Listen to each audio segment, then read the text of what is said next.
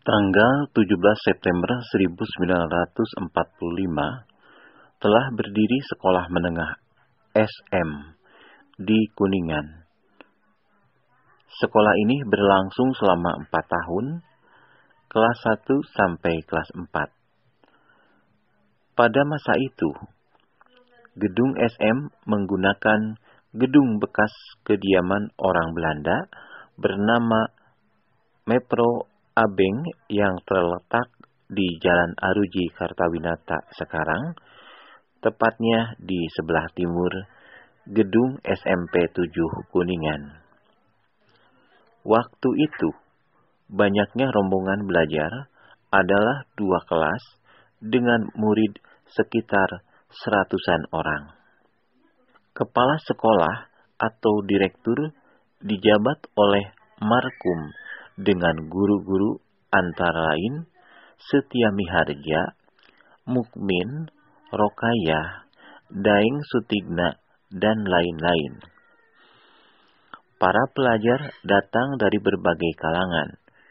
Banyak di antaranya adalah tamatan Holland Indische School atau HIS, Sekake School, dan Fairfall School yang sudah lama tidak sekolah atau berhenti sekolah.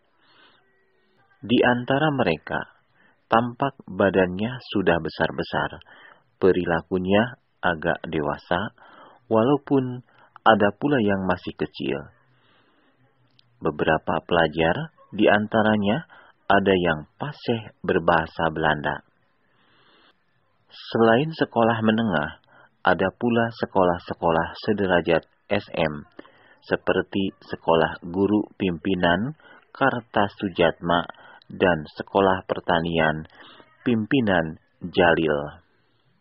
Sebagian pelajar bergabung dalam organisasi pelajar, yaitu Ikatan Pelajar Indonesia IPI. Sebagai ketuanya adalah Sunarto dan wakilnya Ajid.